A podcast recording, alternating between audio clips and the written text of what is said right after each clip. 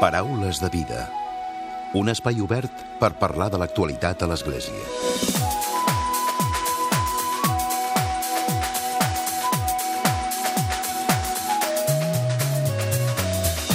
Què tal? Salutacions i molt bon dia, molt bon diumenge. Avui volem parar la nostra atenció en les últimes activitats i reflexions que ens proposen des de l'Agil, l'Associació Cristiana de Gais i Lesbianes de Catalunya. Es tracta d'un espai de trobada per tots els gais cristians i lesbianes cristianes que volen compartir les seves vivències i la seva fe en un entorn de creixement personal lliure de prejudicis. Els membres d'aquesta associació realitzen de manera periòdica pregàries com l'última que han fet fa pocs dies, en aquest cas dedicada a les víctimes de l'homofòbia, tenint en compte que el 17 de maig es va commemorar el Dia Internacional contra l'Homofòbia. La propera serà el 26 de juny, a finals d'aquest mes, quan faran una pregària ecumènica al voltant de la Diada per l'Alliberament LGTBI. Avui reflexionem sobre l'homosexualitat i l'Església amb el conciliari de l'Exil, amb Jordi Valls. De seguida el saludem.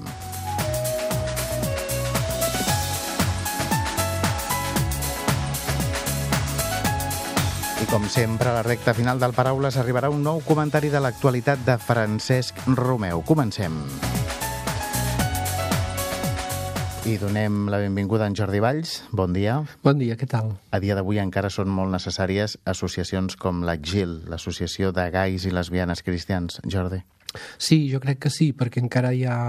Tot i que cada dia hi ha més persones eh, de les comunitats cristianes que són inclusives i que, i que entenen perfectament eh, que som tant cristians i cristianes com ells, eh, encara a nivell de jerarquia hi ha molta feina per fer i a nivell de segons quins cercles doncs també, no? Per tant, eh, malauradament eh, encara és necessària una associació així, sí. Ara deies encara, a nivell de jerarquia hi ha molt a fer. Hi ha molta diferència entre el que és l'església de base, els moviments eclesials, parroquials de la jerarquia? Nosaltres, la nostra experiència és que sí, absolutament. Eh?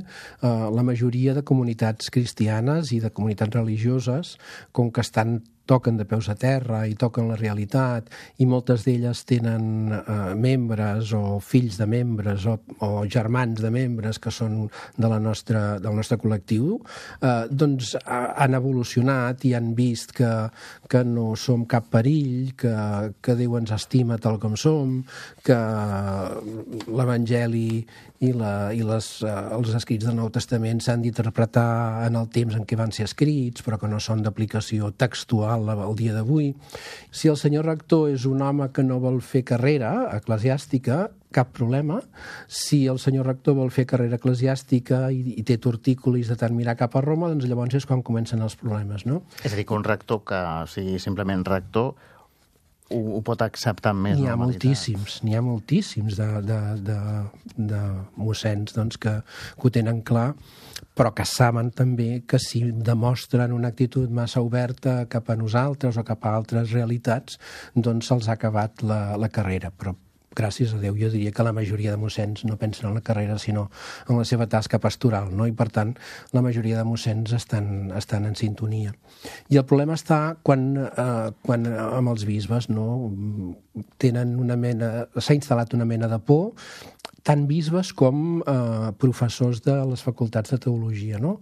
Hi ha un ambient de por que es va instaurar, jo diria, amb el començament del pontificat de, de Joan Pau, prim, de Joan Pau II, eh, que va durar durant el pontificat de Benet XVI i que, i que ha fet doncs, que persones que a nivell particular doncs, et, et poden poden ser més o menys propers o, o, o descaradament propers, quan han de fer classe, quan han d'escriure, o en el cas del, dels bisbes, quan es pronuncien públicament, doncs n'hi ha molt pocs que tinguin una, una sensibilitat evangèlica doncs, eh, per parlar d'aquestes coses. No? I amb el papa francès pot revertir la situació, pot canviar, pot crear una tendència nova, tot i que potser sigui molt lenta? Ai, no ho sé, jo, jo al començament pensava que sí, pensàvem que sí, eh, quan va dir aquella frase famosa a l'avió, no? qui sóc jo per condemnar un gai, això significa un canvi de, de tendència, però el cert és que a l'hora dels fets no ha, mm,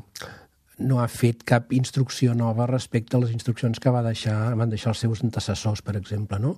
I, per tant, els documents que hi ha hagut eh, vaticans sobre homosexualitat continuen partint d'un paradigma completament premodern eh, i antimodern, jo diria, eh, les instruccions respecte als candidats al, al, al, als, al Ministeri o a, la, o a les ordres religioses continuen sent les mateixes i, per tant, tanquen la porta a les persones amb tendències homosexuals. La sort és que després les congregacions religioses doncs, tenen, insisteixo, tenen molta més visió que els, que els eh, monsenyors vaticans i, i, i obren les portes a les persones que busquen Déu sincerament, tant si són gais com no. no. Ara hem celebrat quatre anys del pontificat del papa Francesc, potser és prematur, podria haver-hi un canvi en els propers anys? O no... No ho sé. Ja, ja, sembla que hi hagi un nou ambient, sembla que hi hagi nous aires. Uh, també jo penso que és molt esperançador les reaccions viscerals que ha suscitat dins del Col·legi Cardenalici, per tant això vol dir que, que està tocant os, diguem, està tocant, està anant a fons. Està arribant. No, per, encara que només sigui per les reaccions que suscita, no?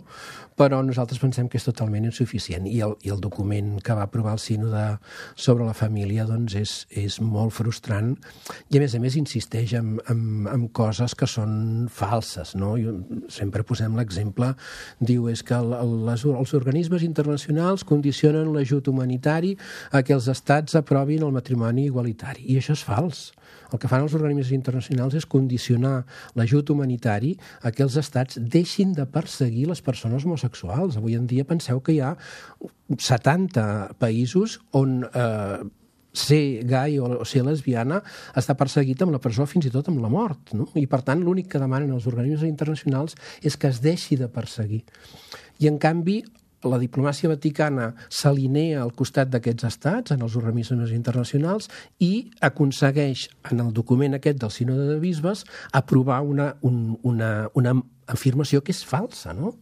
I després, vaja, coses molt més, molt més greus quan diuen que la, les famílies lesbianes o gais estan fora del designi diví, no? Això ja és un insult directament. No? Vosaltres us sentiu acollits per l'Església? Des de l'exil, la, l'associació Ens sentim estimats, cristiana. molt estimats per Déu i molt estimats per Jesucrist i molt estimats per, per moltes comunitats cristianes que ens acullen, que ens demanen que anem a parlar amb ells, que... Que ho viuen que, amb normalitat. Que ho viuen amb, normalitat, amb absoluta normalitat, i des d'aquest punt de vista doncs, ens sentim estimats per, per l'Església, si entenem Església així d'aquesta manera. No? Però és que hi ha, hi ha unes contradiccions molt fortes. No? Per exemple, nosaltres a l'associació tenim una mestra que està en una escola religiosa i que d'aquí una setmana, d'aquí 15 dies es casa. Doncs bé, la congregació religiosa que porta aquesta escola li ha prohibit que convidi els seus companys i li ha prohibit que agafi els 15 dies de permís per, per matrimoni.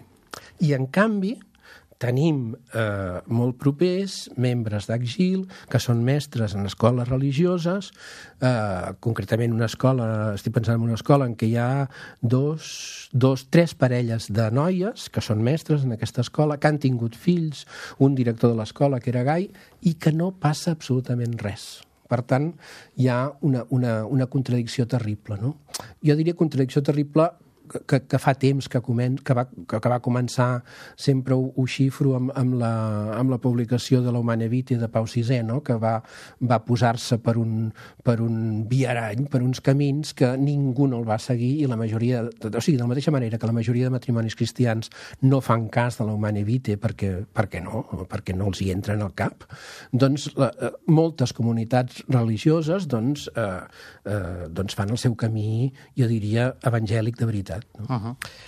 L'entrevista amb el Jordi Valls l'havíem pactat ja fa uns dies i ara l'actualitat ens fa parlar també d'una polèmica, la polèmica de les declaracions, de la, en aquest cas la glossa dominical mm. del, del bisbe de, de Solsona, del bisbe Xavier Novell. Mm. No sé si vosaltres des de l'associació heu fet algun comunicat o nosaltres heu expressat... Hem, sí, hem fet una nota de premsa eh, lamentant l'enèsima sortida el de coneixeu personalment, el bisbe? No, no, no, no, no. no nosaltres durant un temps teníem la santa paciència d'anar enviant cartes a tots els bisbes de Catalunya que quan prenien possessió dient hola, som l'associació cristiana de gais lesbianes i cap bisbe mai ens ha contestat. Els dos únics amb qui hem, hem pogut parlar ha estat el bisbe Camprodon i el bisbe Carrera eh? però això fa, fa molts anys ja, no? Els altres ni contestar. I amb l'ocasió del sínode de la família sí que vam notar un canvi de, de tendència quan vam escriure les nostres eh, impressions sobre el, el document que, ens, que, que va fer públic el papa i ens van contestar de l'arcabisbat de Barcelona, el secretari general, dient hem rebut la vostra comunicació, gràcies, que ja és un gran què, i del, uh, del sínode dels bisbes de Roma també vam rebre, rebre que, que havien rebut la nostra comunicació i que moltes gràcies. Però no, no coneixem personalment el Sí que eh, hem hagut de, de sortir moltes vegades, massa vegades, eh, per les seves sortides de tot respecte a l'homosexualitat. No? Nosaltres no pensem que, que se li hagi de... Que tothom és lliure d'expressar les seves opinions, però jo sempre vull, m'agrada posar una comparació. Si avui sortís un bisbe i digués que les persones de raça negra no són humanes, o tenen alguna deficiència, suposo que absolutament tothom estaria escandalitzat. Si avui sortís un bisbe, i dic bisbe perquè és l'exemple que tenim, eh, dient que les dones no poden votar o que les dones no tenen els mateixos drets que els homes, exactament el mateix. Jo mateix respecte als gitanos. No? El que ha fet aquest home és escriure, eh, glossant una, la Moris Letizia, la, la, el document aquest del papa eh, ha anat més enllà d'aquest document i ha dit, i a més a més penso que eh, l'orientació sexual depèn o aquesta gent és així perquè han tingut els seus pares absents. Això és una tesi eh, científica que absolutament ningú sosté avui en dia i per tant eh, és agosarat que ho digui i el fet d'haver-ho dit ha fet mal a moltes persones, per una banda, i per altra banda una cosa molt més perillosa que hem constatat aquests dies a la nostra pàgina web. Ha donat força i ales a les persones més homòfobes. I agafant-se amb aquestes paraules del bisbe, doncs diuen sí, aquest bisbe ha dit el que molts pensem, que sou una colla de malalts i que no teniu dret a ser de l'Església. O sigui, ha donat veu a que totes aquestes persones que doncs, tenien els seus fòrums doncs ara envaeixin a, a altres fòrums de debat.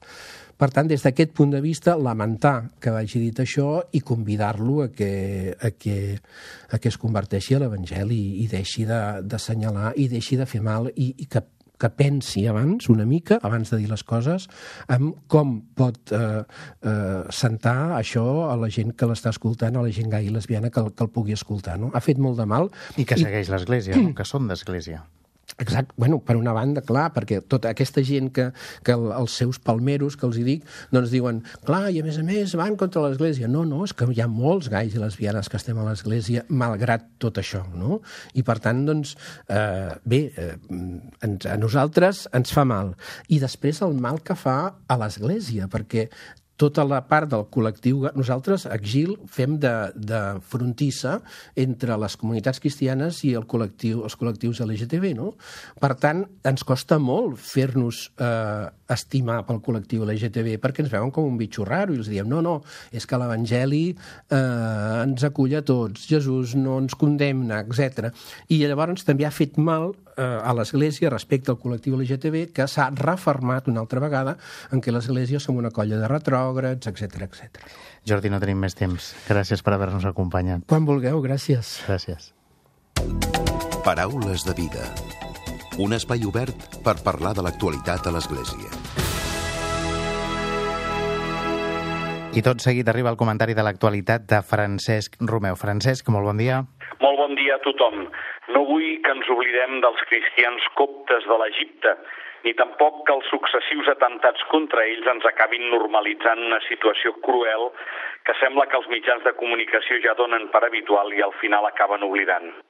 El divendres de la setmana passada, 26 de maig, un grup terrorista fortament armat va tirotejar un autobús que transportava un bon nombre de cristians coptes d'Egipte, deixant una trentena de morts i uns 25 ferits.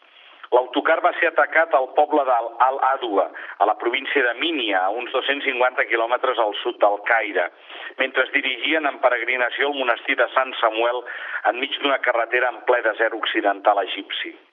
Recordem que els coptes representen un 10% de la població d'Egipte, que és un país de majoria musulmana sunita. La comunitat viu discriminada i en els seus últims mesos ha estat al punt de mira de l'autonomenat estat islàmic, que ja ha atacat diverses esglésies coptes, cremant-les. No oblidem que el mateix diumenge de Rams, en un atemptat doble, van matar 46 persones que assistien a la celebració eucarística. Un atemptat va ser la ciutat de Tanta, al delta del Nil, i l'altre la catedral de Sant Marc a la ciutat d'Alexandria, a la costa mediterrània. Aquesta vegada l'atemptat ha estat reivindicat pel grup Jihad, vinculat a Estat Islàmic. La descriptiva dels fets és realment esgarrifosa. Segons van explicar alguns dels capellans que van presidir l'enterrament de les víctimes després d'escoltar el testimoni que han donat algun dels supervivents de l'atac, els terroristes eren unes 10 persones que viatjaven en tres cotxes tot terreny. Després de matrallar l'autocar i els cotxes que anaven en fila cap al monestir, per aturar-los van poder pujar l'autocar i van fer baixar tots els homes i nens. Els van fer agenollar i els hi van prendre els carrets d'identitat, els diners, les cadenes d'or i les aliances i els anells. Després els van obligar a que reneguessin de la seva fe cristiana i fessin la professió de fe musulmana. Quan ells unànimament s'hi van negar, van fer baixar de l'autocar totes les seves dones amb els fills més petits per prendre'ls-hi també les joies d'or i tots els diners. I a poc a poc, un a un, van executar els homes i nens amb un tret a la nuca o a la boca o a la gola. Alguns dels nens van poder amagar-se sota els seients, però molts d'ells van ser cruelment assassinats. Per molts familiars de les víctimes això no ha estat cap sorpresa, perquè saben que Estat Islàmic els persegueix pel fet de ser minoria, de ser cristians, i per recolzar el govern militar del president d'Egipte. Amb tot, el gran imam de la gran mesquita de Al-Azhar, del Caire, Ahmad al-Tayeb, màxim representant de l'islam sunita egipci, ha condemnat aquest cruel assassinat dient que crido els egipcis a unir-se contra aquest terrorisme brutal. Per la seva part, el papa francès va reiterar diumenge passat, abans de la pregària del Regina Shelley, la seva proximitat al papa Teodor II i a tota la nació egípcia pel ferotge atac de violència de divendres passat que va provocar la mort de 29 cristians coptes, entre els quals alguns nens que es dirigien al monestir de Sant Samuel per pregar. El papa va recordar que aquests creients van ser assassinats després d'haver-se negat a renunciar a la seva fe cristiana – en la mateixa línia, Francesc va expressar el seu desig que el Senyor rebi en la seva pau aquests testimonis valents, aquests màrtirs, i converteixi el cor dels terroristes. El bisbe de Roma també va resar per les víctimes de l'atemptat a Manchester, on igualment van ser destrossades nombroses vides joves. Igualment s'ha mostrat a prop de les famílies i de tots els que ploren la seva pèrdua.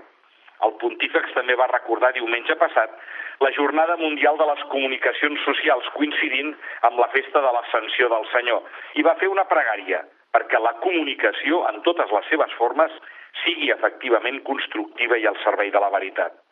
Tot comentant un dels lemes, la frase d'Isaïes «No tinguis por que sóc jo amb tu», va assegurar que els mitjans de comunicació social ofereixen la possibilitat de compartir i difondre immediatament notícies de manera capilar, uns fets que poden ser bons o dolents, verdaders o falsos. Finalment va expressar la seva confiança que la comunicació en totes les seves formes sigui efectivament constructiva, al servei de la vida, rebutjant els prejudicis i que difongui esperança en els nostres temps. Molt bon diumenge a tothom.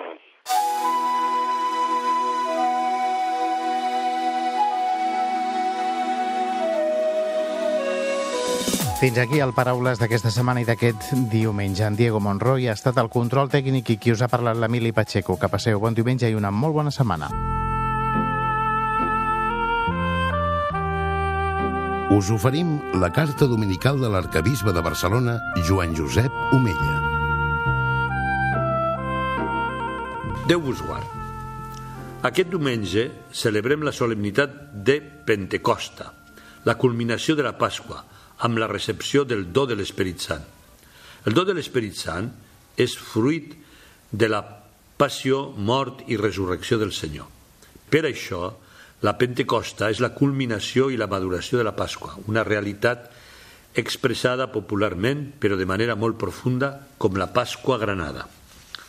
El do de l'Esperit Sant i la resurrecció de Jesús no es poden separar. L'Esperit Sant que ens ha estat donat és la nova presència de Déu entre nosaltres. És l'Esperit Sant qui fa possible la nostra trobada amb el Crist viu entre nosaltres i en cada un de nosaltres. És gràcies a l'Esperit Sant que cada dia que passa podem estimar una mica més com Jesús. És l'Esperit Sant qui fa possible que puguem veure el Senyor amb els ulls de la fe. És per l'Esperit Sant que podem acollir la persona del Crist ressuscitat, viu i present en l'Església reunida en l'Escriptura proclamada com a paraula viva i eficaç i en els sagraments, en la vida, en les persones, sobretot en els més pobres, i en els mateixos esdeveniments de la nostra vida personal i col·lectiva. És gràcies a l'Esperit Sant que rebem la força i la confiança per passar a l'acció i donar la vida pels altres a imitació de Jesucrist. És l'Esperit Sant qui manté viva en nosaltres l'esperança del regne de Déu.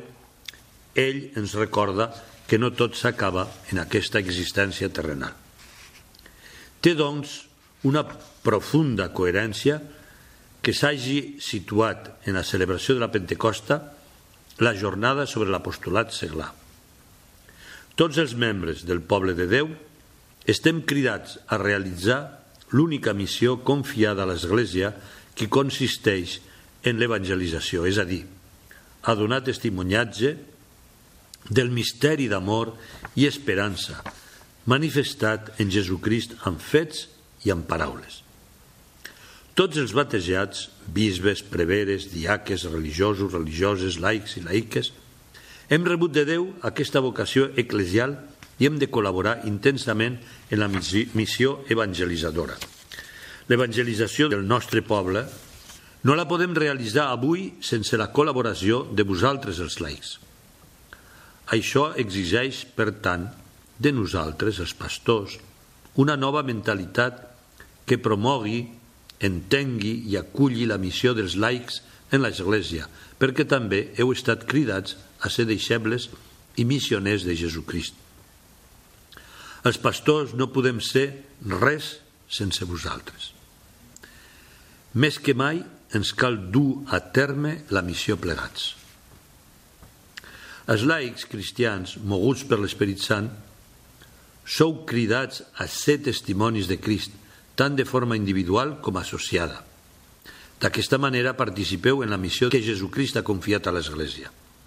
L'Esperit Sant és qui mou els nostres cors i les nostres vides en aquesta missió, segons les diverses modalitats d'associació i les diverses formes d'espiritualitat.